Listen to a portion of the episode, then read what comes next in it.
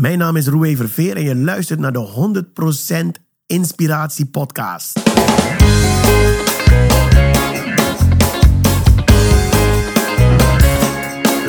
Hey, wat goed dat je luistert. Hij staat weer voor je klaar. Je wekelijkse dosis inspiratie is weer daar.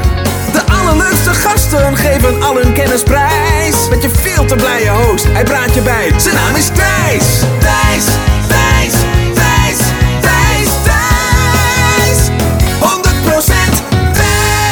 Hi, welkom bij aflevering Intens 144 met Roué Verveer. Maar voordat ik Roué ga introduceren, eerst iets anders. Een update, een mijlpaal. Wellicht heb je het al gezien op de socials of heb je het al gehoord in de bonus episode die vorige week online kwam. Waar heb ik het over? Welke mijlpaal heb ik bereikt? Heeft deze podcast bereikt? Dat is de miljoenste luisteraar. Ja, dat hoorde je goed. De miljoenste. Gewoon 1 0 0 0 0 0 0. Uh, 1 miljoen mensen hebben op play gedrukt bij deze podcast. Ik zag vorige week in de statistieken van Soundcloud hem netjes over de miljoen heen gaan. En um, ja, dat is, dat is super vet. En ik heb ook heel veel felicitaties gekregen. Dus bedankt daarvoor. En weet dus ook, als je deze podcast checkt, als je nu aan het luisteren of aan het kijken bent, je bent niet de enige. Er zijn dus nog honderdduizenden andere Hollanders uh, en Belgen natuurlijk ook, die um, op zoek zijn naar persoonlijke groei en die in hun zoektocht naar geluk en succes deze podcast luisteren. Een kleine tip trouwens, vind je het leuk om andere luisteraars te ontmoeten, om met hun te hangen en met hun te netwerken? Ja, dan zijn mijn shows, de 100% Inspiratieshow, later dit najaar in elke provincie van Nederland doe ik er één. Ja, het is gewoon een hele grote tip om daar dan heen te gaan. Want behalve een leuke avond kan je dan dus ook hangen en netwerken met andere luisteraars van deze podcast. Met andere mensen die net als jij op zoek zijn naar persoonlijke groei. Oké, dan heel snel naar de gast van deze week. Ik kan het denk ik heel kort houden, want Roué Verveer, we kennen hem allemaal. Hij is cabaretier, onder andere. Um, tien keer in de Ziggo Dome gestaan met de Gabbers. Hij is de enige Gabber die het gewoon drie seizoenen heeft volgehouden. Net dit weekend, afgelopen vrijdag en zaterdag, heeft hij in Ahoy gestaan met Caribbean Combo. Um, en hij toert ook gewoon nog met zijn eigen theaterprogramma. In het voorjaar van 2020 gaat hij alweer um, even spieken. 68 shows doen. Dus dit is een harde werker. Maar we gaan het vooral ook hebben over mindset. En dat is wat ik je wil vragen. Luister komend uurtje naar wat de mindset van Roué... vooral als het gaat om omgaan met tegenslagen... vooral als het gaat om dingen waar je geen invloed op hebt... Um, om die mindset, om daar iets van mee te pikken. Want ik durf te beloven dat we daar allemaal wat aan hebben. En uh, misschien durf ik al te stellen dat de wereld een mooiere plek zou zijn... als we iets meer op dat gebied de mindset van Roué Verveer zouden hebben. Ga ervan genieten. Hier is Roué Verveer. 100% Thijs! Ik zit hier uh, in uh, Amsterdam op kantoor met Roué Verveer. En leuk dat je luistert. En als je kijkt, nou ja, dan zwaaien we nu zo heel schattig naar de camera. Um, ik heb er heel veel zin in. Ik ben heel benieuwd naar jouw wijze lessen over het leven, maar ook jouw pad naar succes en jouw niet te stoppen optimisme en, en happy levensinstelling. Um, en om bij het begin te beginnen, wat wil je worden als je later groot bent? Uh, blij. Ik ben er nu al. Ja, maar ik ja. hoop dat ik dat kan houden. Ik heb niet een ding van wat wil ik worden als in beroep of. Nee, nee. Nee, op, en op mijn leeftijd is dat al lang niet meer aan de hand. Dus dan hoop je dat je uh, gezegend mag zijn. Ja, op jouw leeftijd 46 lentes ja, jong. 46. Uh, en zijn er voor jou nog doelen? Want je hebt natuurlijk de Ziggo met de Gabbers tien keer gedaan. Ahoy ga je straks twee keer doen. Uh, he, heb jij nog carrière doelen of heb je alles eigenlijk al bereikt? Nee, het gekke is, ik heb nooit doelen gehad. Dat is een interessant ding wat ik altijd tegen ja. mensen zeg. Mensen kijken me altijd aan. Ik zeg, ik heb nooit doelen gehad. Ik heb altijd uh, willen doen. Um, toen ik eenmaal door had dat ik grappig was, of dat mensen me grappig vonden, ja, ja. dan wist ik, oké, okay, dan is dit het. En dan ga ik dit echt goed doen. Dat is mijn doel. Echt goed doen. Avond na avond moeten mensen naar huis gaan en grappig zijn. Als jij mij had gezegd, ooit ga je Ziggo Dome doen, of is dat jouw doel? Ja. Of is dat jouw droom? Nee, ik heb nooit dromen. Gek, het, het klinkt gek, maar op mm -hmm. werkgebied heb ik nooit dromen gehad. Het enige wat ik wilde was eh, het beste zijn wat ik kan zijn. Ik keek niet naar anderen, wat zij haalden. Ik keek naar mezelf. Elke avond gingen mensen lachen naar huis. Wat was ik blij. Ja. En dan gaat er een keer een telefoontje en dan zeggen ze... Hé, hey, eh, Carré eh, vraagt of je daar een keer wil spelen. Carré? Nou, en toen heb ik een Surinaamstalige stand-up show gemaakt. Dus echt zo'n special show. Ja, Voor alleen Surinamers. ja, En eh, Surinaamse onderwerpen en in het Surinaams gesproken alles. ja. Nou, uitverkocht binnen no time. Dus ik heb Carré uitverkocht. 1700 Surinamers in Carré. Precies. Had ik daarvan gedroomd? Nee. Toen eh, ging ik door met doen waar ik goed in ben. Mensen lachen maken. Toen ging de telefoon, Ziggo Dome. Ik zeg, nou, oké. Mensen vroegen, is dit een droom? Ik zeg, vast, maar niet mijn droom. Iemands droom ben ik hier aan het waarmaken. Dus zo heb ik nooit doelen gehad. En voor mij werkt dat. Ja. Ik moet gewoon doen waar ik goed in ben. En dan komen dingen op je pad. Ja. Ehm, daarom heb ik geen teleurstelling. Dus als jij vraagt, zijn er nog dingen die Ja. ik wil bereiken? Nee. Ja. Zijn er dingen die ik ga bereiken? Vast. Ja, dus jij doet wat je graag doet en dat doe je heel goed. Jij focust je elke avond op. Ik wil dat mensen met een super blij gevoel naar huis gaan. Dat is het enige wat ik wil. Ja, en blijkbaar ben je daar goed in en heeft dat succes. En, En dan- gaat een keer ja. een telefoontje van Carré, van Ziggo en van Ahoy later. Want weet je hoe erg het is als dat jouw doel is en je haalt het niet? Ja. Nooit. Niks lijkt erop. Nou, dat, dat is geen leven toch? Nou, er zijn natuurlijk ook mensen die denken, ja, ik, ik doe ook waar ik goed in ben en ik probeer elke dag mijn best te doen. Maar ik heb behoefte aan, aan een horizon. Ik heb behoefte aan, aan een doel om naartoe te werken. Prima. Dit is wat voor mij werkt. Ja. En iedereen moet het zelf weten. Alleen het gevaar daarvan is, is dat je teleurgesteld raakt in wat je doet. En dat je niet meer Ja. geniet van wat je doet. Als je, een, eh, een, als je alsmaar eh, de top wil bereiken, geniet je niet van die trades er naartoe. En ik voor mezelf, ik geniet van elke tree waar ik heb gestaan. ja. Eh, start tree 1 heb ik genoten, omdat ik niet bezig was met tree 2. Ja, want jij, dit is voor mij, wow. Precies, jij- jij weet niet waar je trap naartoe gaat. Nee, in principe, dat weet niemand. Misschien maar was jij- ja, 1, misschien was... Want dit was ook een dingetje wat ik niet eens wist dat ik wilde doen. ja, Hier ben ik zomaar ingerold per ongeluk. ja, En het was niet zo. Kijk, nu heb je jongeren, want cabaret en stand-up comedy is hip. ja, Dus nu heb je jongeren die vragen, wat wil je laten worden? Cabaretier. Dat was vroeger politieman, ja, brandweer. Nu is cabaretier één van ze. Nou, dan lijkt het me lastig hoor. ja, ja. Want het is niet iets wat je zomaar kan studeren en dan word je Nee. het. En daar, daar wil ik het zo meteen over hebben. Hoe jij dan, eh, ehm, ja, hoe jouw pad is gegaan. Je hebt ooit ontdekt, mensen vinden mij grappig. En eh, toen ben je de theaters ingegaan. Maar goed, er zitten heel veel stappen tussen. Wil ik het zo met je over hebben. Maar nog even over wat je net ook zei. Wat, eh, wat je wil worden later als je groot bent. Je wil blij worden. Hadden we het net ook al kort even over in de voorbespreking. Jouw blijheid, jouw optimisme. Je dacht heel lang, dat is normaal. En Ja. Tot je erachter kwam dat dat helemaal niet normaal is. Dat mensen dat bijzonder vinden. Nou, ik heb het idee dat het sinds kort zo is. En relatief kort. Omdat eh, in mijn show, mijn laatste show, Happy the Peppy, Ja, noem ik het opgefokt.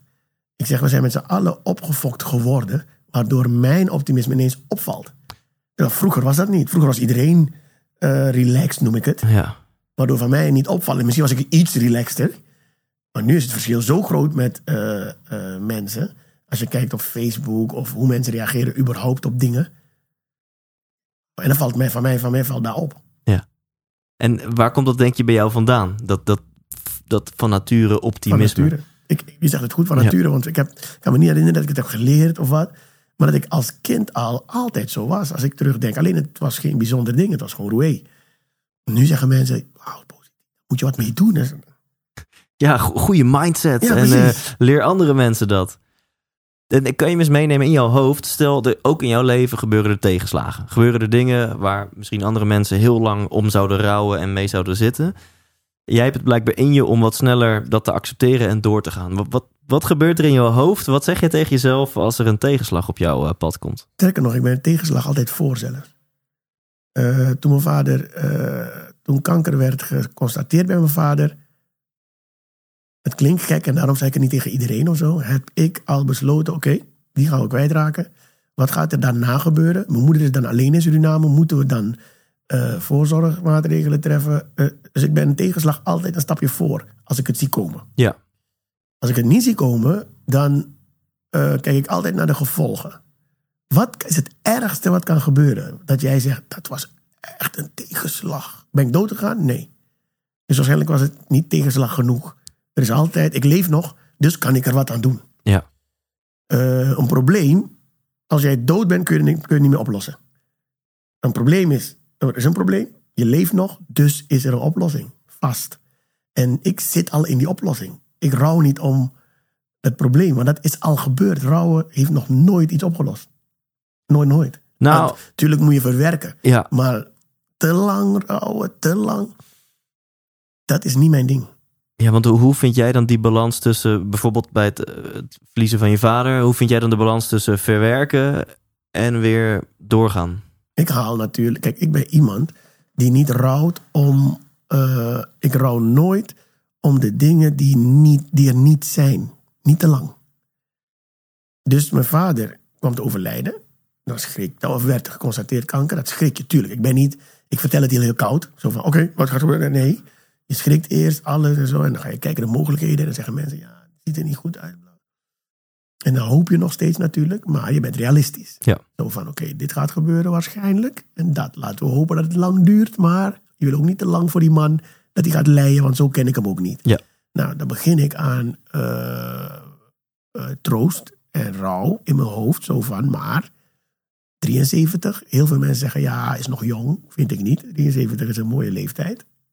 Natuurlijk willen we dat iedereen 200 wordt. Mhm. Maar 73 is een mooie leeftijd. Wat heb ik aan hem gehad in 73 jaar? Wauw. In mijn leeftijd. Ik bedoel, in mijn leven. Ja, Wauw man, hij was altijd dit, hij was altijd dat. Dit hou ik eraan over. Hij- Dus ik treur niet. Op dat moment ga ik genieten van wat ik heb gehad. Niet om wat er niet meer is. ja. Snap je? Ja, daar, ik daar haal ik mijn troost uit. Ja. Daar haal ik mijn troost uit. En ehm, eh, de acceptatie dat het kan gebeuren. We, zijn, we doen allemaal raar. Ik heb twee jongens. Eén is 16. Eén, sorry, één is 19. Die heeft rijbewijs, zijn eigen auto, gaat stappen. Mhm. En die andere is 12. Die gaat op de fiets naar school en zo. Denk je dat die niet in een ongeluk kunnen komen? Denk je dat die niet een keer per ongeluk in een club eh, kunnen worden beschoten door een kogel die niet voor hun was of wat dan ook? Als je die dingen in de krant leest, waarom gebeurt het die mensen en jou niet? Dat kan jou ook gebeuren. Daar hou ik al rekening mee. Het, het beheerst mijn leven niet gelukkig. ja, ja, Zo van, nee, ga maar nergens. Nee, ze moeten vooral hun ding doen. ja. Maar weet dat het jou ook kan overkomen. Ja. Daar heb ik in mijn hoofd eigenlijk al mee gedeeld. Z- Zijn dit ook dingen die je meegeeft, meegaf in jouw voorstelling Happy the Peppy? Ja, ja. Ja? Kun je, daar, ja, kun je daar eens wat over vertellen? In mijn, in, mijn, in, mijn, in, mijn, in mijn show Happy the Peppy had ik een eh, voorbeeld van hoe ik met dingen omga, waarom ik zo vrolijk ben. Eén, ik maak me niet druk over eh, dingen waar ik niks aan kan doen. Ja. Twee, ik maak me niet druk over dingen waar ik geen verstand van heb. Drie, ik maak me niet druk over dingen die mij niet aangaan. En vier, als het echt heel ver van mijn bed is, maak ik me ook niet druk. En als je goed gaat opletten, de dingen waar mensen zich druk over maken, zijn die dingen. En dan als laatst dingen waar ze echt iets aan kunnen doen. Ja. Als je kijkt naar het nieuws bijvoorbeeld. Mensen zijn opgefokt over dingen die in Amerika gebeuren. Een zwarte man wordt gediscrimineerd in Amerika. Discriminatie vind ik sowieso fokt op waar dan ook. Ja. Maar dan gaan die filmpjes rond. En dan die comments eronder. Zie je wel, die wet. Maar dan denk ik, maar het is in Amerika gebeurd. Laten we hier, hier is het ook. Laten we hier checken. Ja. Maar ik kan me hele dag niet laten verpesten door iets wat in een Starbucks in Amerika is gebeurd. Als je het zo maar door internet lijkt het allemaal dichtbij. Ja. Dit gebeurde elke dag. Dit gebeurt Ja. elke dag in Amerika. Ja. Nu maken we ons druk. Heb je gezien wat? Nou, dan gaan, mensen gaan minutenlang tegen me praten over iets waarvan ik denk: eh, ja, ik vind het vervelend. Maar eigenlijk heb ik hier geen zin in. Ja. Want ja, wat moet ik eraan? Het is Amerika. Ik ken het systeem niet. Ze hebben een ander systeem daar, alles. Kanye West doet een uitspraak. Wauw, iedereen heeft het erover. Ik zeg, maar het is Kanye West, hè. Het is een rapper die iets heeft gezegd. Waar maak ik me druk om? Een Amerikaanse rapper die iets heeft gezegd over een ding in Amerika. Ja, ja, ja. Waar maak ik me druk over? Dus ik bescherm mezelf. Misschien moet ik het zo noemen. ja. Ik bescherm mezelf om... Bij alles denk ik, maar moet ik hier me druk? Nee. Dit is ter informatie soms en Ja. niet te lang. Dus jij hebt een mentaal schild van, kan ik er wat aan doen? Moet ik me hier druk om maken? Gaat het om mij? Ja, En, en- nogmaals, niet dat ik gevoelloos ben. Alleen, hoe lang ga ik hiermee door? En hoe druk maak ik me erom? En tijdens jouw show doe je een poging om de mensen in Ja. jouw zaal om die een beetje iets mee te geven. humor, hè? Dus Ja. ik geef voorbeelden, grappen. Ja. eh, waarbij het ook soms eh, blijkt dat ik overdreven ben. En dat is de humor natuurlijk, dat ik overdreven positief ben. Dat Ja. ik overal iets grappigs in zie. En dat ik bijvoorbeeld niet snap dat mensen het weer nog checken. Ik snap niet dat mensen in Nederland wonen al 40 jaar. En elk jaar rond Ja. oktober schrikken dat het regent. ja. Ik word een beetje moe van die mensen. Echt waar. En mensen die zeggen, "Zet- zet harder, het weer, het weer. Ik zeg ongeveer als morgen. Ja. Waar maak jij je zo druk om? Ja. Het is ongeveer als morgen. Het is niet vandaag min 18 en morgen plus 45.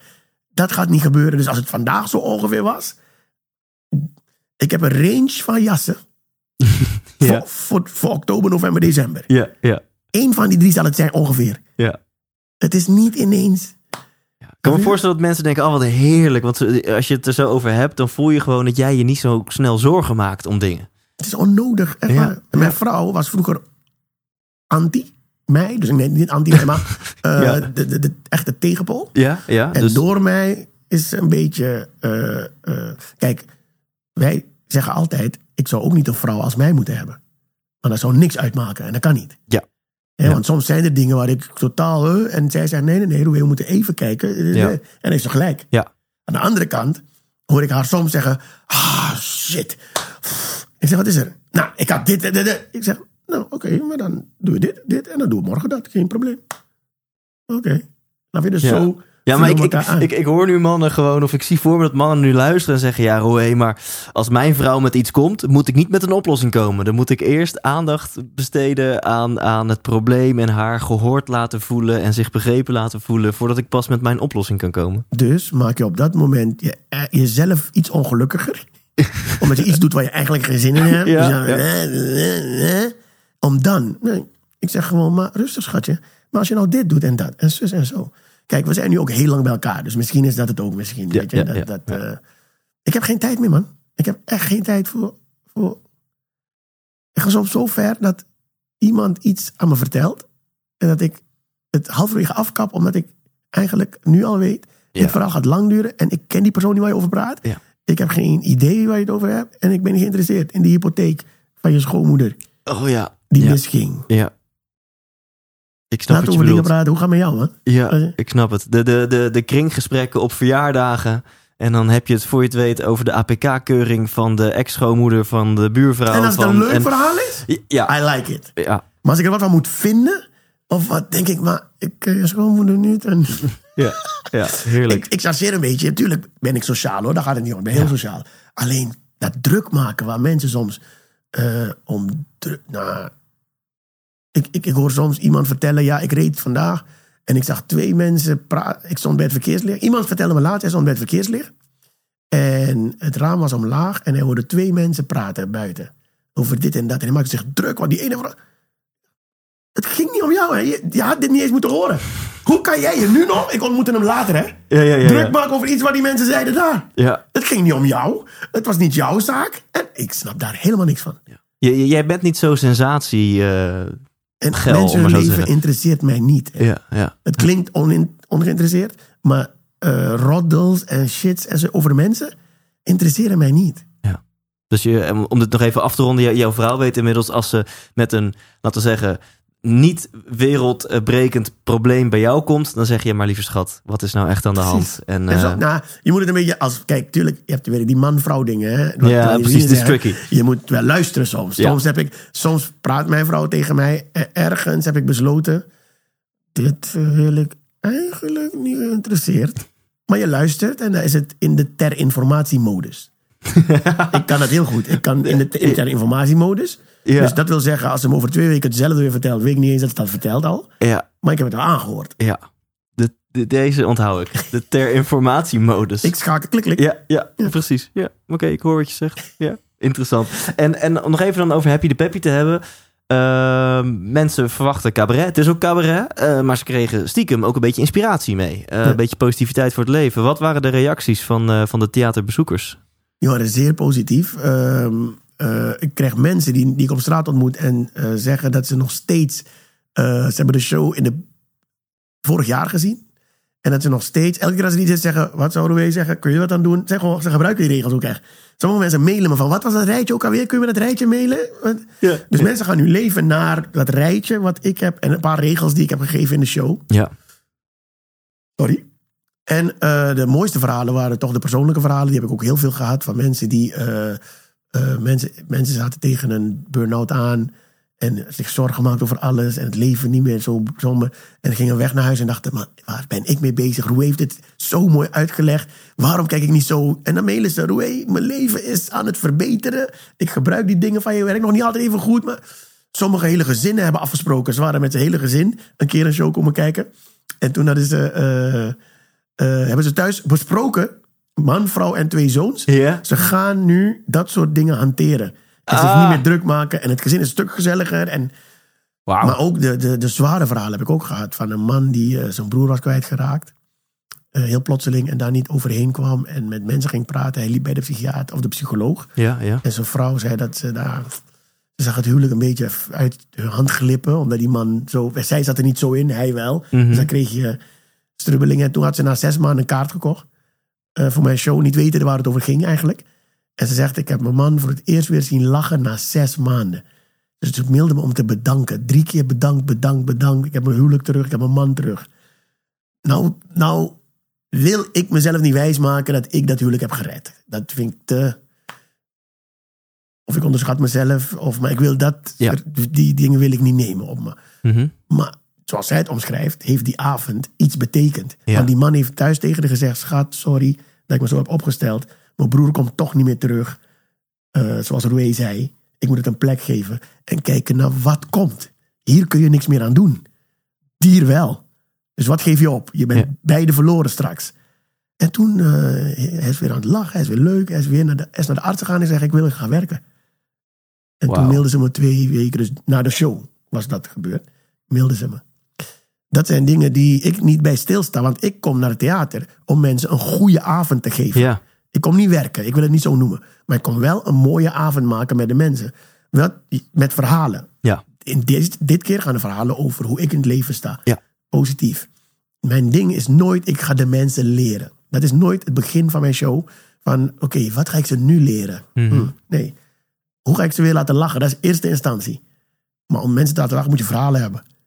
En die verhalen zijn dus dit nu. Ja. En dat ze zoveel mensen hebben geraakt. Dat, eh, ik heb veel bedankmailtjes gekregen. Bedankt dat je mij op die manier hebt Ja. geïnspireerd. Het leven weer zo te zien. Of ik, ik, ik neigde natuurlijk ook eh, die kant op te gaan. En zo. Want ik leg ook mensen uit dat je het automatisch, het gaat vanzelf. Hè? Je wordt erin getrokken.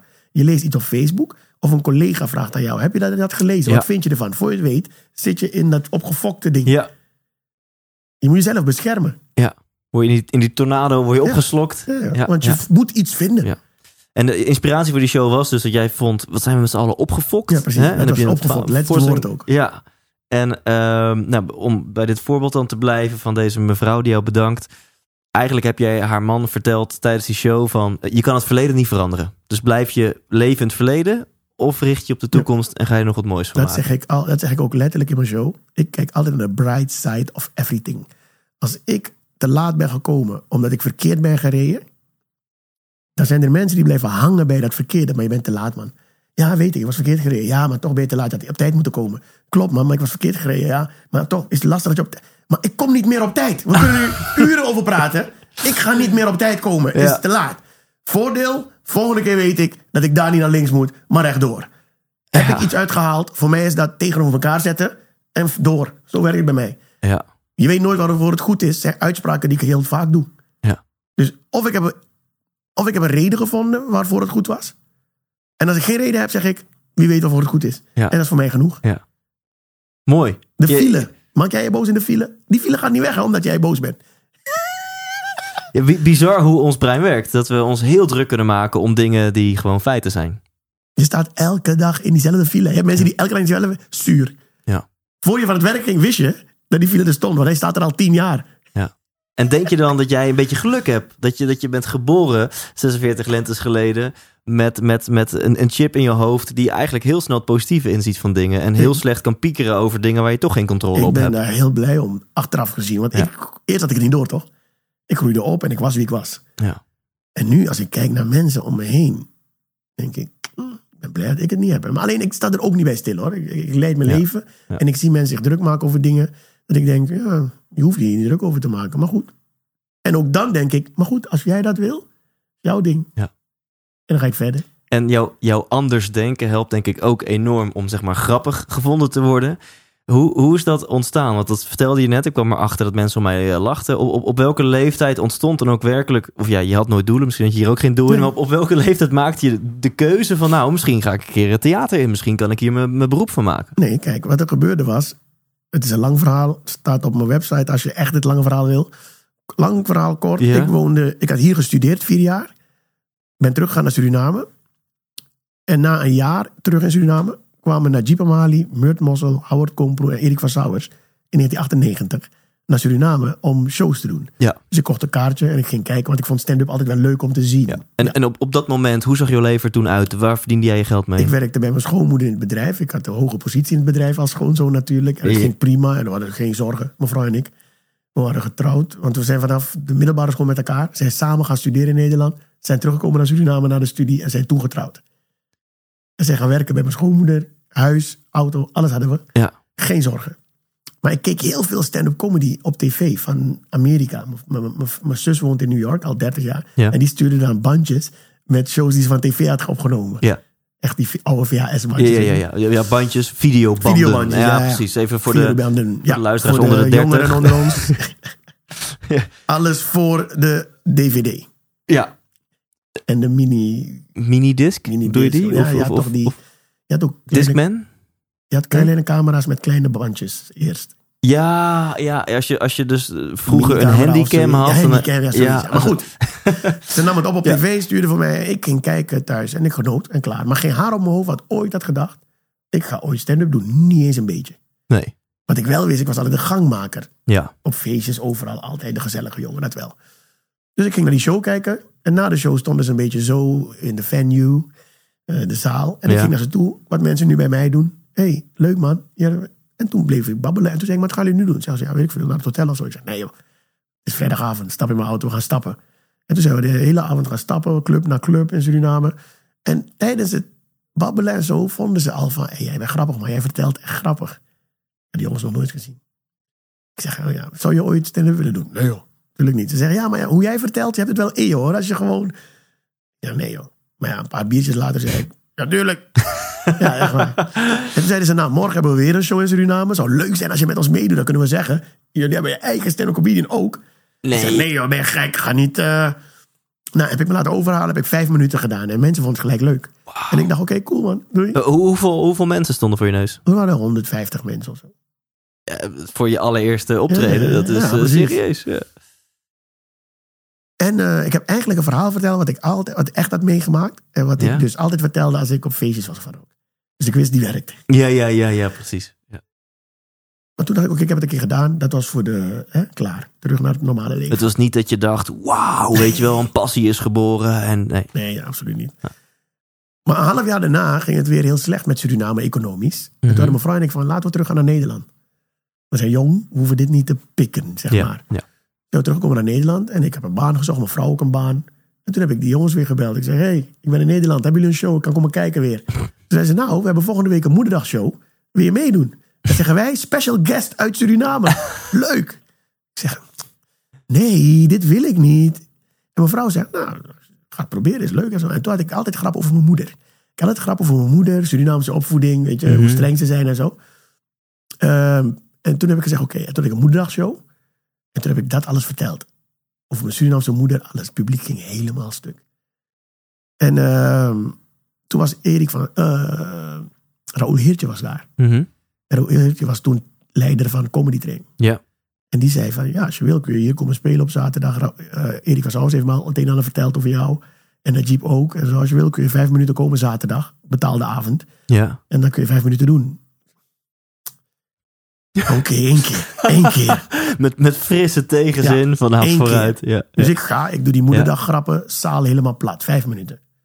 Als je wil kun je volgende week weer komen. Dus ik ging elke week, toen ging ik ineens op donderdag ook, vrijdag. Toen belden ze me ineens weer invallen voor die, die kan niet. En ineens was ik opgenomen in het normale rooster. En ik stond met jongens als Theo Maas, Hans Theo, Najib Amali, eh Janja van der Wap, die stonden normaal op de schema's toen. ja. En ik had geen idee wie die jongens waren. Dus op een gegeven moment zei iemand tegen mij: En wat doe je verder op mijn werk? En toen zei ik: Ja, op het weekend doe ik een beetje stand-up en zo. Waar? Comedy train. Zeiden ze: Echt waar? Comedy train? Ken je die, die, die? Ik zeg: Ja, die heb ik wel eens gezien. Een beetje een rare gast hoor. Die Theo, Mark met de Huibrechts, wat een rare gast en zo. Je praat met ze. Huh? Ik zeg, hè? Bleek dat die, weet je, ja, ik hoef niet te vertellen. Aan Steeuwen, daar sliepen mensen twee nachten van tevoren om kaart te kopen. Ja, ja, ja, ja. Voordat je kon internetkaarten kopen. ja, precies. Voor het postkantoor. Wist ik allemaal niet. En met die jongens zat ik gewoon te babbelen, niet onder de indruk, niks. En toen waren er een keer audities bij Comedy Train. En toen zeiden ze, je moet eh, komen voor audities. Ik zei, moet ik auditie doen? Speel al zes jaar, zes maanden. Toen zeiden ze, nee, jij, hoeft, jij, hoort er gewoon bij. Maar er zijn mensen die auditie willen doen. En dan gaan wij als comedians een beetje verspreid door het publiek zitten. En als iemand op- opvalt, gaan we erover vergaderen. En dan wordt hij aangenomen of niet. Toen ging ik zitten in het publiek. En ik zat naast Theo Maas, al die jongens. Najib, noem ze maar. En toen gingen we mensen beoordelen. En ik zag mensen op het podium doodgaan. Dat was het moment dat ik keek en ik dacht... Wacht even. Ik heb nooit auditie hoeven doen. Ik ben gelijk aangesloten. En ik speel al zes maanden. En ik laat mensen lachen. En ik hoor bij deze groep. En ik zie mensen die het echt willen... kapot gaan en doodgaan. was het moment dat ik naar mezelf keek. Ik keek niet in de spiegel, want er was geen spiegel in die zaal. Maar ik dacht, volgens mij kan ik dit. Ja. Er is iets wat ik kan. Want er was niks wat ik kon. Er was niks waarvan je zegt, dan moet je Roué hebben, dat kan hij. Niet technisch, niet het schilderen, niet een schroef draaien, niet helpen verhuizen. Ik was nergens goed voor. Ik was overal aanwezig, maar ik Nou, zorgde voor de, voor de Precies. gezelligheid. Gang maken op Ja, feestjes. precies. Daar was... Eh, ja. Ik dacht, ik kan niet. Dat was echt een, een momentje hoor. En toen dacht ik, misschien moet ik het serieuzer nemen. Want ik zag het elke keer als, zes maanden lang als... ah, leuke bezigheid erbij, ik heb een baan. Ja. Eh, zo hoort het. Ja. Nou, na het eerste seizoen weer. En toen begon ik steeds vaker te gaan spelen. Maar met mijn werken naast. Hè. Ja. Gewoon werken, vier uur in mijn auto stappen naar Groningen, show doen. Terug, acht uur weer aan het werk, vier uur vertrekken, show doen. Twee uur s'nachts thuis, acht uur aan het werk. waren zware, lange dagen. En na, na, na drie van dat soort jaren zei ik tegen mijn vrouw... "Mijn- ik weet wat ik wil worden, maar dat wist ze al hoor. Ik wilde, ik wilde bij de KLM werken. Als grondsteward. Ik zeg het daar helemaal voor me, jongen. Echt waar. Dan zou ik van de ene gate, zou ik mensen... Ga je op reis? Oh, leuk, maar waar ga je naartoe? Oh, leuk, tut, tut, verder reis. Ik zou het zo leuk brengen. En dan zou ik snel in een autootje stappen naar een andere gate. En dan heb je ineens mensen uit India. Hey, where are you going? Oh, India, I like, I like to go there someday. Ja, babbeltje, babbeltje maken. Ja. Chip, chip. En naar een andere gate. En dan, ik zag het helemaal voor me. Ik, en ik wou dat dat soort mensen, de, de- zoals jij ik dat... zag ja, het, ik ja. zou het doen. En toen zei ik tegen mijn vrouw, dat is mijn droom, dat wil ik worden. Bij de KLM. En het blauw vind ik, zo, ik vind het een mooi bedrijf, in ieder geval. Ja. En toen zei ze, dan ga je toch solliciteren daar. Toen zei ik, maar ik wil toch nog één jaartje fulltime comedy doen. Ja. Want ik deed het altijd eh, met mijn werk. Ja. En dan kon ik s'avonds pas een beetje dingen doen. Ja. Maar er hadden ook heel veel aanvragen voor overdag. Die kon ik nooit doen. Ja. Toen zei ik, oké, laat me een jaartje comedy doen. Kijken hoe dat gaat. Zeg ze, oké. Was dat financieel gezien een grote uitdaging? Ja, want ik vroeg aan mijn vrouw: wat moet ik minimaal verdienen dat we het redden? Ja. Zij had een hele goede baan in de private banking. Ze is econoom. Dus dat scheelde al. En toen zei ze, nou, en dat was een bedrag. Dat dacht ik, oké, als ik alleen Toemler elke dag doe, haal ik dat al. Ja. Laat staan die aanvragen die ik moet weigeren steeds, die er zijn geweest tot nu Ja, toe. ja, Ik dacht, ik ga ervoor. ja. En, en Toemler is een heel bekend comedycafé Comedy, in Amsterdam. Daar, daar is ja. huis van Comedy Train. Ja. En daar komt waarschijnlijk, waar ik niet bij stilstond, al mijn eh, positieve instelling. Ik dacht altijd, en nog steeds, bij beslissingen die ik moet nemen, wat is het ergste wat kan gebeuren? En als je weet wat het ergste is wat kan gebeuren, kan ik daarmee omgaan? Is dat op te vangen? Ja, let's go. Ja. Wat is het ergste als ik niet meer, als het cabaret niet zou werken? Ik had universiteit gestudeerd, ik heb een VO-diploma. Naar een baan, die had ik al trouwens. Ja. Dus, wat kan er misgaan? Helemaal niks. Zo sta ik in het leven. Altijd. Wat kan er misgaan? We, mevrouw en ik hebben nu een huis gekocht. Iets, iets, een ander segment. Maar het wordt nu gebouwd. Mhm. Dat is een behoorlijke hypotheek. Ja. Zullen we het doen of niet? Nou, wat kan er misgaan? Als je niet meer kan betalen? Dan moeten we kleiner gaan wonen weer. Prachtig. Dus jij hebt straks een huis met drie zwembaden, twee sauna's. Nog net niet, maar, maar bij wijze van. Ja, mooi. Zo neem ik beslissingen. Ja. Is het ergste wat kan gebeuren? Ja, plus, de- als het ergste wat kan gebeuren, als dat behapbaar is voor Dat jou. En, en, en trouwens, de kans dat het ergste wat kan gebeuren gaat gebeuren, is heel erg klein. Ja. Toch? Ja, en Ja. als het gebeurt. Kijk, de dood, dat zijn dingen. Ja. Ja. Eh, eh, gevolgen voor anderen, eh, hun leven, dat zijn Ja. dingen die je moet beslissen. Hmm. Ja. Maar ik ben het gaan doen. En na het eerste jaar ging het goed. Toen zei ik, ik ga nog een jaar wachten. Nog een jaar verlengen. Want het e- eerste jaar was dus Toemler, aantal avonden per week. En gewoon shows voor bedrijven, Ja, evenementen. meer gewoon snabbels, meer zeg ruimte, maar. toch? Ja. Ja. Ja, maar nog niet een eigen programma. Nee. En toen, na het tweede jaar, zei ik, dan ga ik eh, eigen programma proberen nu. Ja. En daarna ga ik naar de KLM. Nou, dat ging goed. Nog een jaar, nog een jaar. En eigenlijk ben ik nu dus 17 jaar aan het verlengen. En elke keer als ik op Schiphol ben, en ik reis heel veel. Als je me volgt op Instagram, zie je dat. Ja, Elke gelegenheid ben ik in het vliegtuig. ja. Ik zit op voor het instappen. Dan kijk ik, denk ik, je hebt gewoon mijn baan. je hebt mijn, dit is wat ik wil. Elke keer nog steeds. ja. Nog steeds. Ja. Maar niet, dat- niet, le- niet serieus, Oh, toch? hoor. Maar, dat, maar zou dat betekenen dat Oh, je graag nog steeds die baan wil. Nog Lief, steeds. liever dan je huidige baan. Ik weet of het liever is. Maar mocht er iets gebeuren waardoor ik dit niet meer kan. I know what I'm gonna do. Ja. Heb je En niet... dat maakt mijn... Mensen in mijn vak is... In mijn vak is ehm, eh, eh, depressie en Ja. eh, burn-out en zo. Is nummer één volgens mij, hè? Qua, qua in Mhm. cabaret. Ja. Ik, gaat mij niet gebeuren, joh. Waarom? ik heb nog een droom. Als je me toch wil vragen wat een droom ja, ik ja, heb, dan is dat het. En dit houdt mij nog eh, van mijn droom af. Dus dan ga ik nooit depressief worden, want ik heb nog iets. Depressief worden mensen die plotseling erbij stilstaan en denken: ik heb de top al bereikt, wat nu? Oh shit. Dan krijg je paniekaanvallen, depressie, burn-out, alles. Ik heb dat niet. Nee. Want ik doe dit, het gaat goed, maar als het niet goed gaat, ga ik dat doen. Maar- dus dat heb ik nog altijd achter de hand. Ja, maar eigenlijk mensen verwelkomen en een goede reis wensen bij de gate. Maar helaas, je moet nog even in een uitverkocht Ahoy staan. Dat is eigenlijk- Ja. Hoe, hoe goed heb ik het? Snap je? Ja. En als dat niet meer werkt met het uitverkocht Ahoy, I still got something. Omdat ik weet waar ik naar terug ga, is niet iets wat ik dan moet doen. Ja. Oh, het eerst goed en eh, wegens tegenslag moet hij, nu, moet hij nu dit doen, want hij had geen andere keus. Ja. En he learned to love that. Mm. Ik ga met veel plezier naar de KLM en zeggen, luister, ik ben wat ouder. Hebben jullie nog iets voor mij? Ja, prachtig. Ja, ik, ik had een hele mooie vraag voorbereid en heb je nu perfect beantwoord. Namelijk, heb je jouw succes nodig om gelukkig te zijn? Nee, nee, nee. En, nee. en dit is een prachtig antwoord. nee want, ik, want dat wil zeggen dat ik dus vroeger niet gelukkig was. Dat is raar, toch? Ja, Want van- vanaf wanneer heb ik succes eigenlijk? ja. Vanaf wanneer? Mensen zeggen over, het is snel gegaan met jou hè, de afgelopen drie jaar. Ik ben vanaf 2002 aan het hosselen, grinden. Tien mensen in de zaal, twaalf mensen in de zaal. Ja, Af, Show afgaan regelmatig waarschijnlijk. Als show Ja, afgelast, dit, dat. En nu zeggen mensen, goed hè, de afgelopen twee jaar, wat een succes. Ja. Oké, ik heb dat nooit gehad. Iemand heeft mij laatst eh, beledigd, zonder dat hij het zo bedoelde. Ja. Die zei tegen mij, ja, maar weet als je nu... Het, trouwens, hij weet niet hoeveel geld ik heb. Hij heeft niet in mijn portemonnee gekeken. Mhm. Mensen gaan van dingen uit. ja, ja. Maar hij zegt, als ik, eh, als ik zoveel geld had als jij... dan zou ik eh, ook gelukkig zijn. hoor. Dat is makkelijk gelukkig zijn.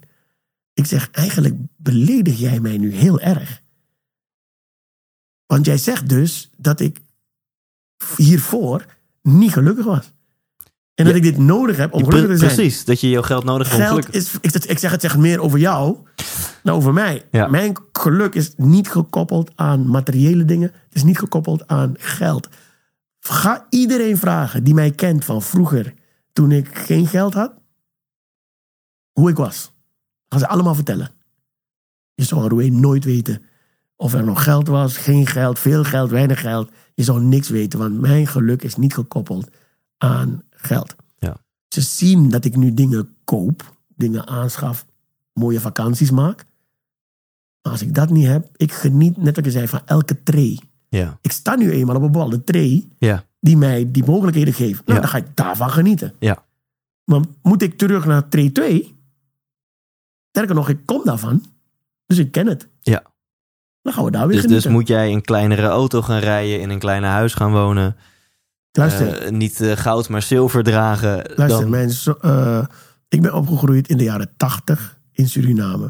Ik weet niet hoe oud je bent, maar eh, 31. 31. Mm, misschien heb je gehoord. We leefden toen onder dictatuur, eh eh, boycott. De hele wereld had Suriname geboycott. We hadden alleen contact met Cuba en dat soort fouten. Je weet hoe dat gaat. mhm. En we hadden in de rij moesten we staan. Ik moest in de rij staan voor alles. Supermarkten waren leeg. Eén keer in de zoveel tijd zorgde de overheid voor wat spullen in pakketten. Dan moest je met een kaartje in de rij gaan staan en dan kreeg je een pakket. Jij kon niet kiezen, ik wil dat, ik wil dat. Je kreeg een pakket en daar moest je de hele maand mee doen. Dat, zus. Dat was aan de hand. Daar kom ik vandaan. In die tijd, het geld was gedevalueerd tot, nou, niks. Mijn moeders salaris was niet eens genoeg om hier een Nike Air Max te kunnen kopen toen. Ja. Omgerekend. Ja. Happy as hell.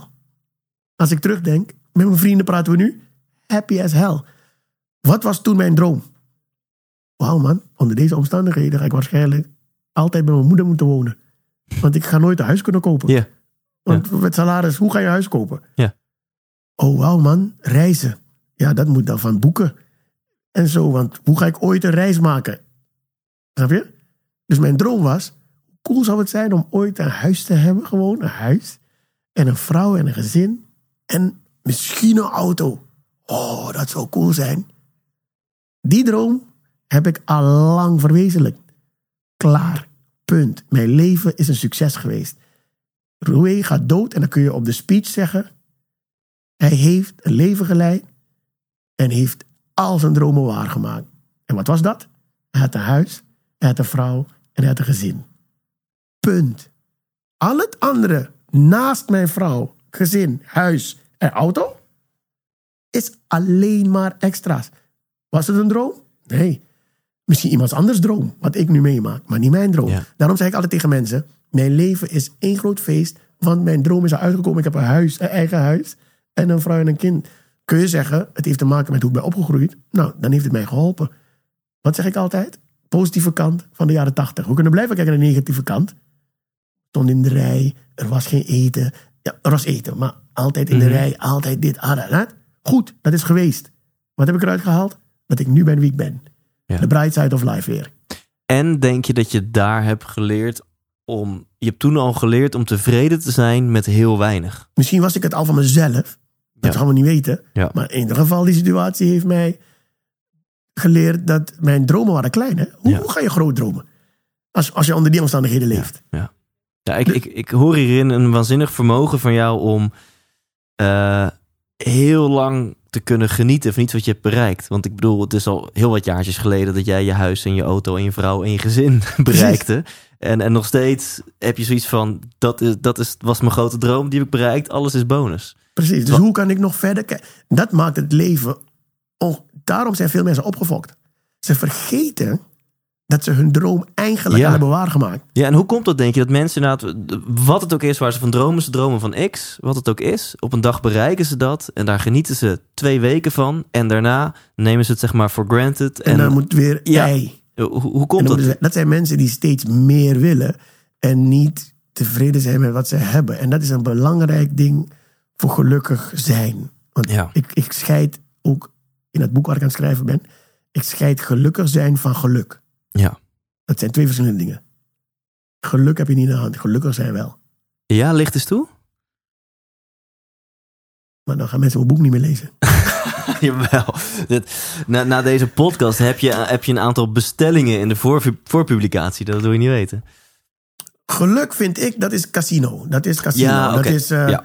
Zeg maar, de- mensen halen die dingen uit door elkaar. Ja. Als iemand tegen mij zegt... Ja, maar ja, je hebt geluk dat mensen jou boeken nu in grote zalen. Is dat geluk? Je bent vergeten, hè? 2002. Ehm, grinding. Tien mensen proberen te overtuigen. Twaalf mensen proberen te overtuigen. Keihard werken. Dit. Altijd op tijd komen. Goede grappen leveren. Goede avond leveren. Nu boeken mensen in grote zalen en dan noem jij het geluk. Dat is Ja. geen geluk. Ja. I've been working hard. Ja. Als iemand jou nu laat halen om eh, eh, in het buitenland een positiviteitsspeech te geven of zo. Dan zeggen mensen, ja, wat een geluk heb jij dat ze jou halen. Nee, jij hebt er iets voor gedaan. Je hebt postkaart. Dit zien ze niet, hè, dat je naar Amsterdam rijdt. Dingen moet opstellen, uur van tevoren, twee uur lang met mensen. Soms zijn de omstandigheden anders. Dat zien ze niet. En ineens heb je al dat werk geleverd. Dan laat iemand jou halen naar het buitenland. En dan zeggen ze, ja, zie je, je hebt geluk. Iemand laat jou halen naar het buitenland. Dat is geen geluk. Dat is gewoon keihard. Dat is het resultaat van keihard werken.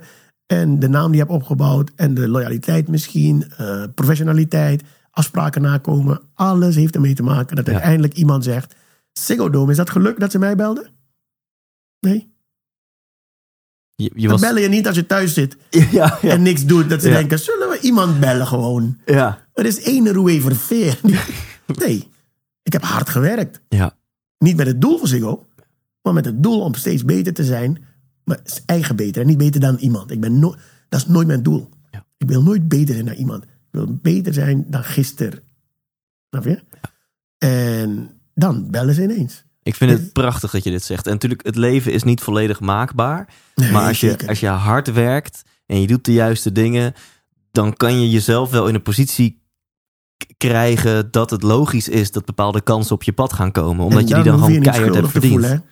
Ja, Want we zijn geneigd ons dan schuldig te gaan voelen wanneer mensen zeggen: Ja, maar ja, ik kan dat niet, maar je hebt het geluk. ja. En dan moet je jezelf niet laten downpraten. Je moet gewoon sterk zijn en denken: Nou, sorry, maar het is geen geluk. Ja. Ik heb Ah. gewoon keihard gewerkt Ja. om hier te komen. En, en daarover gesproken, bij keihard werken hoort ook vallen en opstaan. De- als we kijken naar de afgelopen twintig jaar, hoe, eh, hoe ging je daarmee om als je een keer inderdaad voor twaalf man stond en het, eh, ze waren meer gefocust op hun biertje dan op jouw show? En, en weet je wel, hoe, hoe, hoe ging je ermee om, dat soort, dat soort gigs, dat je eigenlijk moest overleven? Ehm, nou, de 12-man gigs waren mensen die dus eh, echt in een theatershow 12 kaarten hadden gekocht. Dus Die kwamen niet met bier of wat. Punt was altijd, en dat was ook een grappig ding. Directeuren en zo, die kwamen zich verontschuldigen. De De theaterdirecteur. theaterdirecteur die kwam naar me toe, die zei... Hé hey, we hebben maar 12 man vanavond. En, eh, en dan zei ik, maar 12 man? Oh god. Niemand kent mij, hè? Ja. 12 mensen hebben een maand lang gewerkt, salaris ge- ontvangen en hebben gezegd: een deel van dat salaris waar ik zo keihard voor heb gewerkt, geef ik aan een onbekende jongeman en dan maar hopen dat ik waar voor mijn geld krijg. Ik zeg, ik ga deze mensen de avond van hun leven geven. Prachtig. Hoe goed is dat? Dat twaalf mensen gewoon hebben besloten. We kennen er nooit van gehoord. En we gaan, ik zeg, ik ben zo dankbaar als wat. Wat, wat dacht je dat ineens 300 mensen. Niemand kent mij. Waarom zou het volle zaal zijn? Twaalf mensen vind ik knap. En dan zag je die directeur ook kijken zo van. Hè? Wat maak ik nou mee? En, Iemand en, die het op die manier. Ik zeg, luister, er zijn twaalf mensen. Dus er zijn, er zijn eh, stel het als een zaal van 200. Er zijn, dus er zijn 188 lege stoelen. Voor wie moet spelen? Voor die lege stoelen of voor die twaalf mensen? Voor die twaalf mensen. Nou, voor die lege stoelen. Treuren om die lege stoelen heeft geen zin. nee. en, en dit is dus niet gewoon positief denken, maar dit is... Dit, Het is mijn logisch. Het voor mij is- het logisch. hè? Precies, het is niet een een of andere iets wat je jezelf aanpraat Nee, nee, om jezelf... Maar het is, moet- toch, het, is het logisch of niet? Jouw weet is logisch. Ja, dus ik zie ja. het niet eens als positief. Nee, ja, In mijn hoofd, hè? ja. In mijn hoofd is het een logische. En er is, maar, maar er is dus echt geen stemmetje wat in je kop dan zegt van... Fuck, ik had echt wel liever voor 100 man gestaan. En je, je hebt, nou, het liefst voor 2000, bij ze van. Ja, ja. Maar dat stemmetje bij mij is heel zacht. Die grote stem die er is, is luister, Kil. Jij begint gisteren. Niemand kent jou. Waarom zouden 500 mensen een kaart voor hebben gekocht? Dat gaat niet gebeuren, Roué. Dus wees blij met iedereen die een kaartje voor je koopt. En ik had in mijn hoofd, deze 12 mensen, maak ik ambassadeurs vandaag. Want die gaan straks naar de kroeg en mensen gaan vragen, waar was je? En nou, een of andere Raoul, Raoul, nu kennen ze mijn naam. Toen was het Raoul, Raoul Verveer, weet niet, Surinaamse jongen. Echt super gelachen. Volgende keer moet je ook mee, hè. Let op. Die vertellen, dat waren, dat waren mijn ambassadeurs. Ik, in mijn hoofd maakte ik iedereen een ambassadeur. Ja. Na het eind van de show. En daarom gaf ik die mensen, 12 mensen, gaf ik 150 procent. Want zij gingen dan naar buiten en gingen mij vertegenwoordigen. Zo zag ik het in mijn hoofd. Ja, ja. En de volgende keer als ik kwam, als elk minimaal één meeneemt, is het al het dubbele. Snap je? Dat was mijn gedachte. Geen moment gedacht, shit, kut, eh. En dan kon ik thuis blijven. Dan moest ik stoppen. ja. En zag je dan ook elk jaar... kwam je terug naar hetzelfde theater en zaten er meer mensen? Ja. Dat er meer mensen, ja. En eh, door mijn instelling waarschijnlijk. Want anders, had ik, anders was ik gestopt, toch? Als je twaalf mensen, twaalf. En mijn- Najib was op dat moment echt een goede vriend van mij geworden. Alles. En dan ging ik mee met hem soms. Nou, in de rij, uitverkocht, slapen, alles. Zou ik toch gek worden? Ja. Nooit. Ja, ook hiervoor geldt dan weer... als jouw geluk afhankelijk was van het aantal bezoekers... en dan geef je geluk uit handen... en dan was je niet zo gelukkig geweest. Nee, precies. En ik heb nooit, dat is ook een belangrijk ding. Ik zag laatst een meme voorbij komen. En dan dacht ik, ja, dat ben ik. En dan sla ik het op. Ja, Um, I'm not in competition with nobody. I hope everybody wins. En toen dacht ik, dit ben ik. Ik ben nooit jaloers. Nooit afgunstig. Nooit. Iedereen die het goed doet, denk ik, wauw man. Goed. Goed. Ik zou ook genieten als ik jou was. Ja. Zo, altijd. ja. Rijke mensen, vroeger. Kijk, rijke mensen worden eigenlijk een soort in basis altijd al afgeschilderd als slecht. Eigenlijk is er altijd wel een soort. Zeker in Nederland. Ja. ja. ja.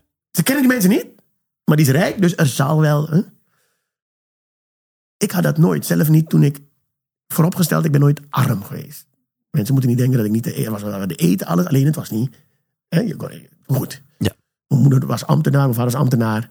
Dus eh, de crisis was er, slechte omstandigheden, dus dan weet je het. Ja, Ehm, dan had ik, eh, ik had ook mensen op school, die waren rijk. Want dat heb je altijd in dat soort landen. Hè? Je hebt Ja. altijd, ah, de middenmoot valt weg, eerst. ja. Maar goed, ik heb nooit afgunstig of waarom naar die jongens gedaan. Of hun schuldig laten voelen dat hun ouders geld hadden. Dat is toch, slaat toch nergens op? Ik had altijd zoiets van, hé hey, leuk man, als ik zo was, zou ik het ook leuk vinden. Nou is het mijn situatie niet zo. Ik heb hiermee te doen en I love it. Ja. Maar dat is ook hun wereld. Als jij arm bent en ben je een asshole, ben je ook niet mijn vriend. Ben je rijk, je bent een asshole, ben je ook niet mijn vriend. Ben je arm, je bent cool, ben je mijn vriend. Ben je rijk, je bent cool, ben je mijn vriend. Dus niks bij mij heeft te maken met geld. Ja. Niks. Geen vriendschap, geen geluk koppel ik nooit aan geld. Nou, maar jij, jij, ehm, als je je doel net niet haalt, dan zeg je tegen jezelf: Ah, maar ik heb het doel wel gehaald. Nou, misschien niet het doel behaald. Bijvoorbeeld, eh, vorig jaar augustus hadden mijn vrouw en ik een eh, challenge. Niet tegen elkaar, maar samen. Ja. We zouden op een bepaalde datum een fotoshoot hebben met een sportfotograaf.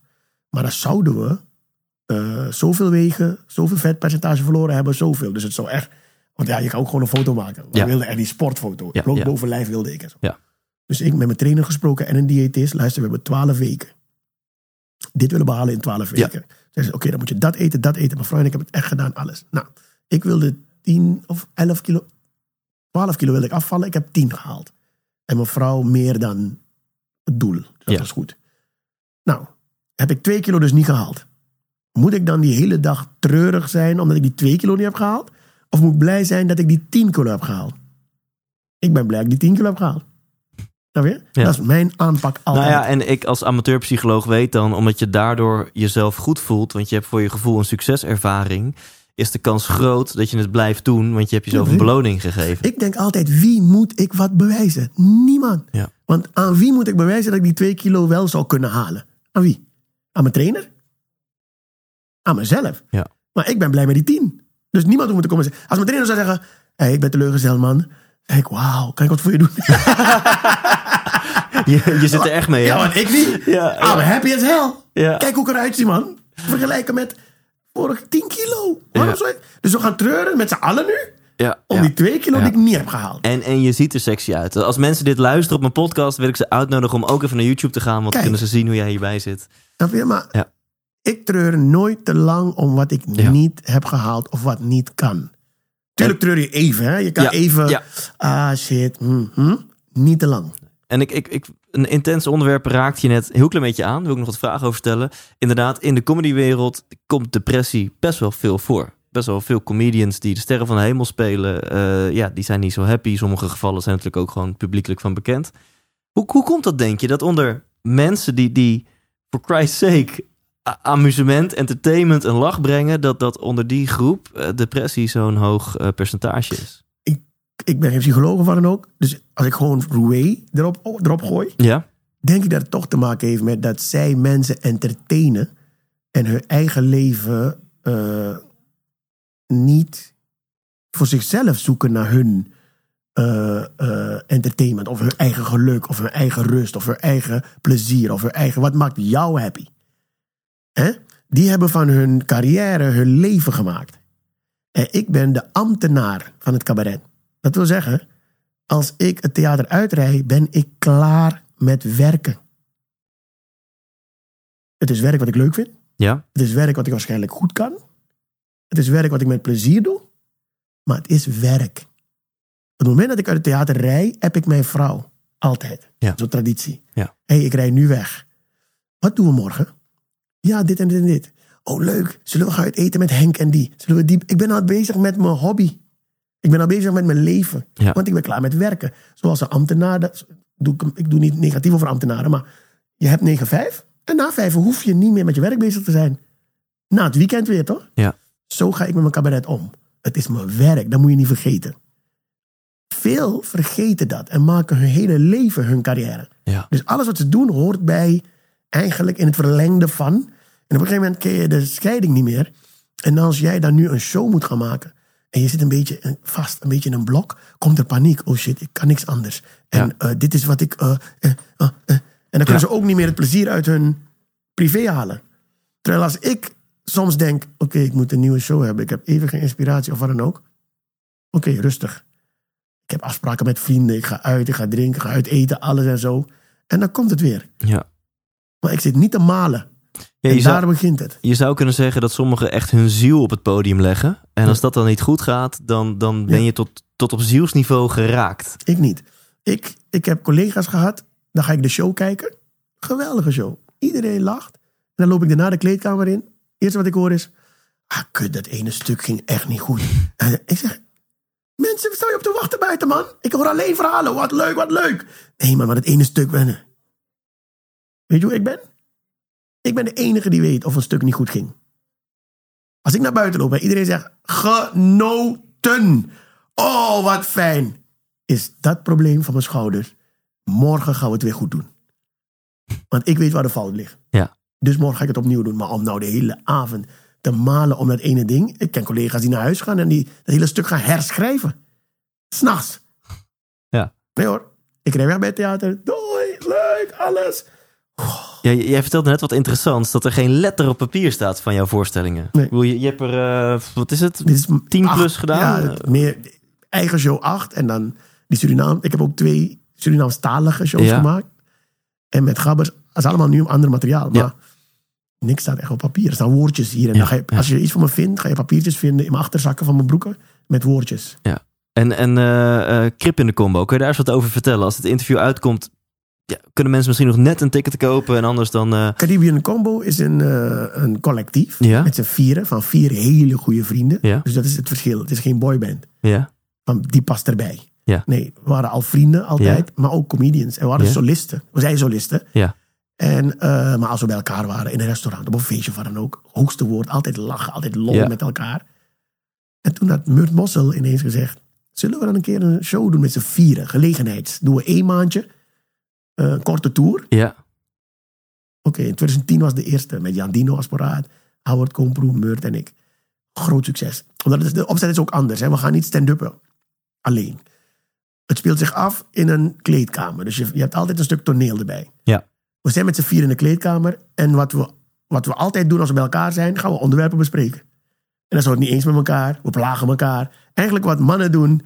eh, je bent eigenlijk die vlieg. Wat je altijd afvroeg. wat gebeurt er in die kleedkamer? ja, ja. En je ziet die kleedkamer en plotseling zegt iemand... Hé, jullie zijn niet goed wijs, jongen. Hey, wie, wie moet gaan? Wie moet gaan nu? Oh, ik moet. Kondig je me aan? En dan hoor je, dames en heren, eh, dan gaat hij optreden. Maar alsof jij de kleedkamer niet hebt gezien. Ja, ja, vet, En als hij klaar is, komt hij weer de kleedkamer in. Dan zitten wij daar weer. vet. Hé, hoe ging het? Ja, maar leuk publiek, man. Alleen op rij 3 is er een vrouw. Ik weet niet, ze is een beetje zuur. en, weet je?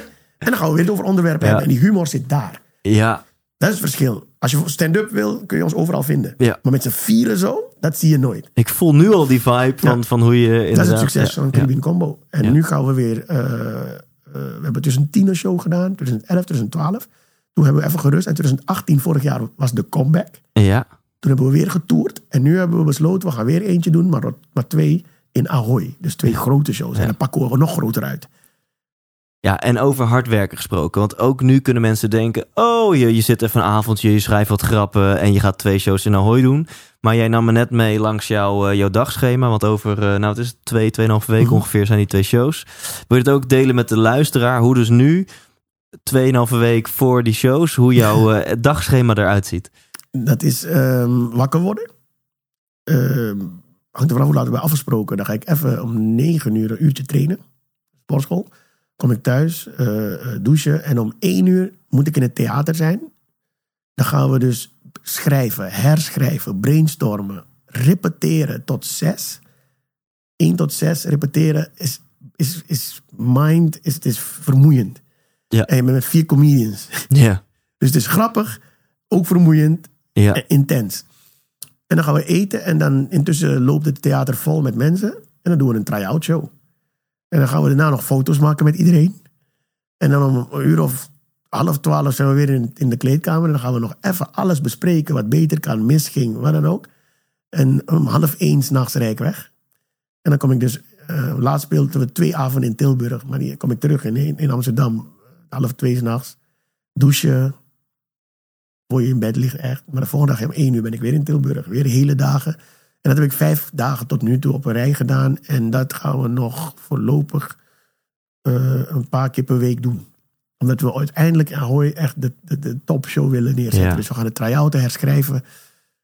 Alles. Vet. Maar Dus- dat, is- dat is keihard werken. Mensen in- vergeten dat inderdaad. ja, ja, dag in dag uit, 12 uur werken. Ja. En dan heb je ook nog, omdat je dus s'avonds werkt, zijn veel meetings overdag. Ja. mensen denken, je werkt alleen s'avonds.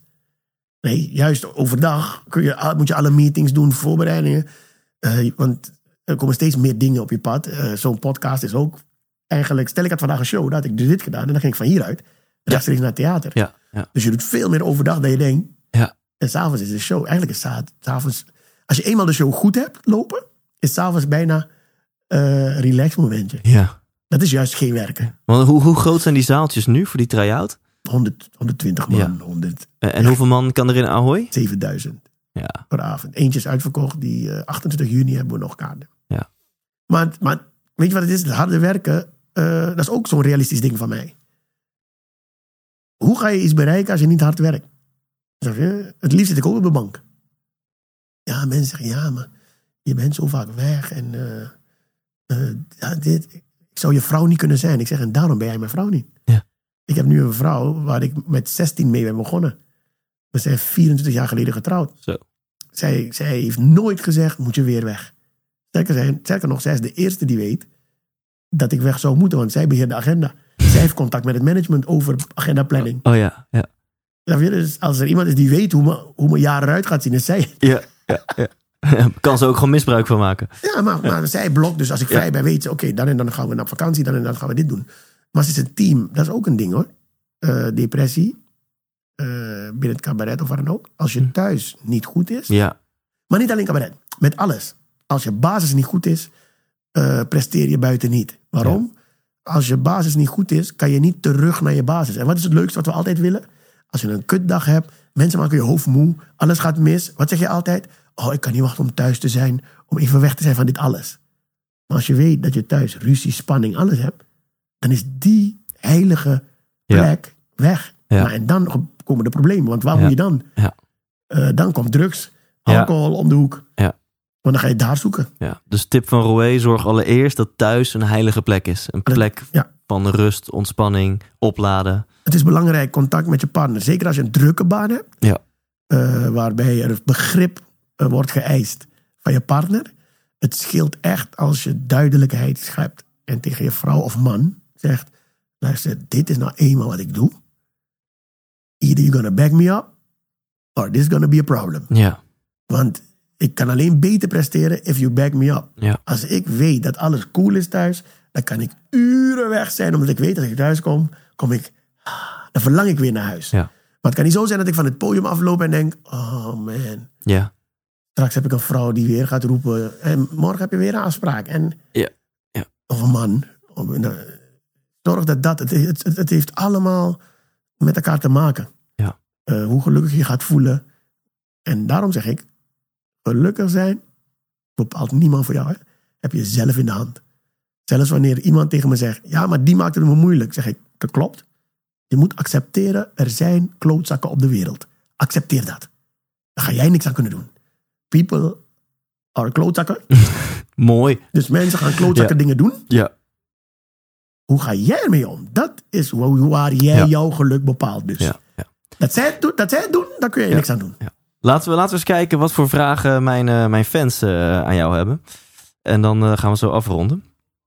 Ehm, oh, moet ik op de juiste knopjes van, van Instagram klikken? Kijken. Sowieso een tip voor iedereen om ook Roe Veer te volgen op Instagram. Ja, je wordt er alleen maar vrolijk van. Je wordt er alleen maar Heb je vrolijk gemerkt van. dat ik geen... Als je alles checkt op Instagram, er is nergens een nieuwsitem, nergens een ellende ding, nergens een probleem. Just happy things. Gekke Alleen maar positiviteit. Gekke dingen die ik met mijn kinderen meemaak. Ja, gekke ja. dingen die ik met mijn vrouw meemaak. Altijd grapjes uithalen. Altijd positief. Altijd- Ja, tof. Ik deel geen slecht nieuws. Want dan denk ik, ja, daar zijn kranten voor. Waarom moet ik het nog een keer Ja, delen? dus is- volgens mij wordt er genoeg slecht nieuws inderdaad de wereld ingeslingerd. Er zijn een paar vragen binnengekomen. Ben, ben je niet nieuwsgierig? Eh Jip VZ. Nou, die, die zegt, heb je wel eens in wat droevige periodes qua privé toch de lach op de bühne gebracht? En zo ja, hoe? Eh, eh, ik heb het een beetje erover gehad al. Op een gegeven moment lag mijn vader op sterven. Echt, het kon elk moment gebeuren. Ik heb niet één show gecanceld. Ik reed naar het theater. Ging ik eh, de show doen. En na de show rende ik naar mijn telefoon. Was het nog sms. Om te kijken of ik sms had. Ja. Of er iets was gebeurd. Ik had tegen mijn technicus gezegd, allemaal... mocht er een telefoontje bij jou binnenkomen of sms... mijn vader is overleden, niet tegen mij. De show cancelt niet Nee. eind van de show. Ja. Wat gebeurde er? Doordat ik die show ging doen, was dat juist voor mij even een uitlaatklep. Sterker nog, ik had een verhaal, ik was eerlijk erover. Ik ging op het podium vertellen, aan het eind, hoor, niet aan het begin. Helemaal aan het eind zei ik, mijn vader ligt op dit moment op sterven. En dit en dit en dit. En dan ging ik grappige verhalen over hem vertellen.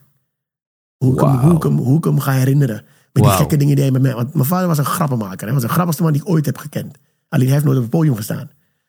Dus dan ging ik daaruit vertellen van... Oh, dit is die man die toen ik klein was, had hij me... Oh, mensen lachen, alles. En dat was voor mij ook een verwerking. Ja, tof. Gingen mensen niet dan letterlijk met tranen van het lachen de zaal uit? Omdat ook gewoon tranen van... van Ja, dus, sommigen kwamen na de show naar me toe die zeiden... Is het echt waar? Ik zei, ja, het is echt waar. En Ja. nu, ik, ik, ik, ik wacht, tussen aanhalingstekens, op een Ja. telefoontje. Ja. Dus ehm, ik gebruik alles om mezelf te beschermen... zodat ik verder kan leven. Ja. En dat doe ik op welke manier dan ook. Ja. Eh, door te gaan vertellen over die persoon Ja. op het podium of waar dan ook. Maar eh, dat helpt. Mindful.barista die vraagt... Wat is de laatste grap waar je zelf hardop om hebt moeten lachen? Eh, die ik zelf heb verteld of iemand die iemand heeft verteld? Ja, jij mag hem interpreteren zoals je wil. Ehm, De, de, de laatste grap die, waar ik om heb moeten lachen, is, als ik het voor mezelf heb, is dat ik het gister, gister, gisteravond heb ik die verteld. Over eh, mensen met een, eh, die gebarentaal doen. Ja, En ik zag een affiche ergens, je moet het leren, want het is beter. Iedereen, moet, en iedereen kan het. Toen dacht ik, nee, niet iedereen kan het. Er zijn mensen die een paar vingers missen, vanwege ongeluk of wat dan ook. En die missen nou net de klinker of zo, weet ik veel. en dan praat je eigenlijk net als die mensen die typen zonder klinkers. Ken je dat? Dat ze die klinkers oh, ja, weglaten. ja, ja. Het publiek moest even wennen eraan zo, maar ik vond dat zelf Ja, je had zoiets, jongens, dit is gewoon een goede grap. hele goede. Ja. Het idee alleen al dat Ja. iemand. En ik had het ook over mensen die stotteren kunnen ook niet. Gebarentaal doen, weet je? Dat is lang. Dan blijf je met hetzelfde gebaar Ja, met hetzelfde Ja, gebaar. Ja, ja, ja, ik weet niet wat de beste grap is. Ik, Ik- moest zelf ja. keihard om lachen om het idee. Nee. Cool, cool, cool.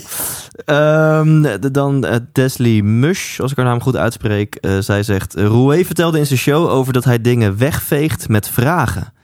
En vervolgens zegt ze, laat hem dat uitleggen. Nou, dat, dat- dat is wat ik eh, zei toch? Kan ik er wat aan doen? Ah, dat zijn die aan? vragen. Ja, En ik, ik, doe, ik doe in mijn show, doe ik zo. Kan ik wat aan doen? Nee. Dus ik schrap hem weg van het lijstje waar je de hele dag mee te maken hebt. Ja. En op dat lijstje komen steeds het is eigenlijk een soort van vraagboom. Van, Ja. kan ik wat aan doen? Ja of nee? Nee, van je Eh, lijstje. ja. En je wil een clean sheet. Dat is mijn ding. Ja. Jij wil een clean sheet de hele dag.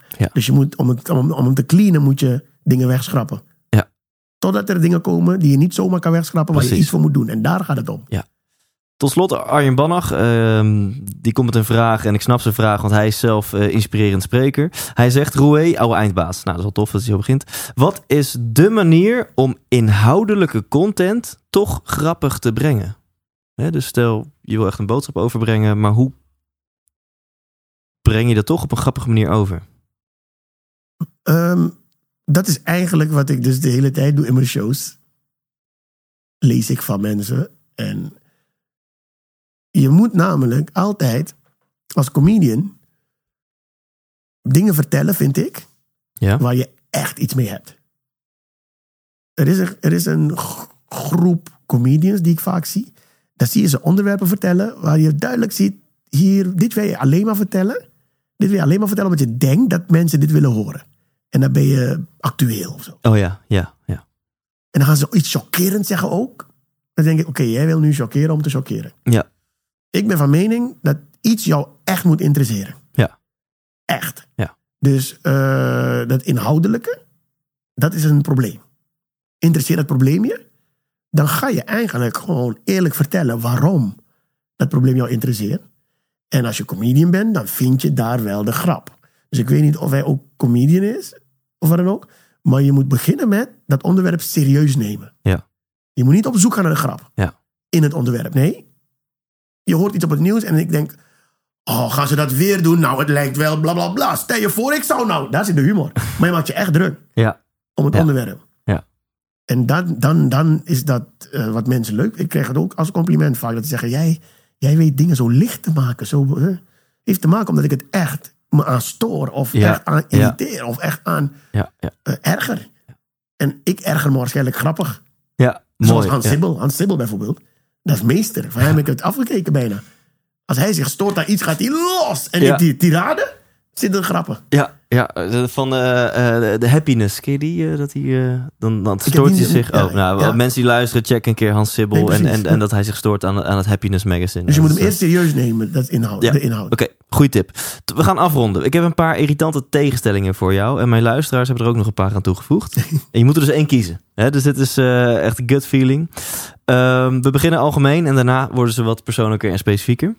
Ehm, ochtend of nacht? Nacht. Bestuurder of passagier? Passagier. Poetin of Trump? Trump. Groene smoothie of Engels ontbijt? Groene smoothie. Naakt of pyjama? Pie, pie naakt. Praten of luisteren? Praten. Gevoel of verstand? Gevoel. Justin Timberlake of Justin Bieber? Timberlake. Klassieke muziek of death metal? Klassieke muziek. Nooit meer seks of nooit meer muziek? Nooit meer muziek. Geld maakt gelukkig of geld maakt ongelukkig? Geld maakt gelukkig. Nederland uit en er nooit meer in of Nederland in en er nooit meer uit? Eh, Nederland in. Eén dag koning of één dag kind? Eén dag koning. Ja, mooi, mooi. Dan eh, wordt het iets persoonlijker. Eh, gabbers eh, of je eigen theatershow? Mijn eigen theatershow. Ehm, acteren of cabaret? Cabaret. Dan heb ik nog van Engeltje78, eh, die heeft gezegd nooit meer kip of nooit meer lachen. Met pijn in mijn hart zeg ik nooit meer kip. En tot slot 004 Hugo zegt Jandino of Howard.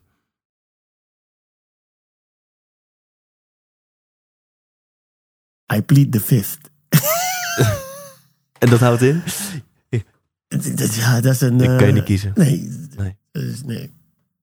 Ga ik niet kiezen. Nee, snap ik, snap ik. Het is Maar wel een, wel een eh, tricky. Ja, Tricky, hele tricky. Hetzelfde als dan zouden we ook jou, jouw drie medegabbers kunnen noemen. En dan ken je dat wel. Dan eentje moet je neuken, eentje moet je trouwen, eentje moet je vermoorden. Dat Ja, zijn ook van die. eh, Nou, ik, ik denk dat ik... Je hoeft geen namen te noemen, maar ik zou eentje één vermoorden en één trouwen.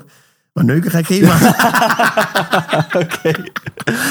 Mooi. Ehm, tof. Eh, de- Ik, ik vind het een heel tof gesprek. We hebben een uur en tien minuten volgeluld.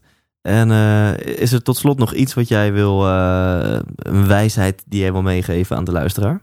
Eh, het, het is cliché, maar omdat het cliché is, is het waar. Always look on the bright side of life. Wat er ook gebeurt, het is, als, als jij leeft, onthoud dat. Als je leeft, wil zeggen je kan iets oplossen.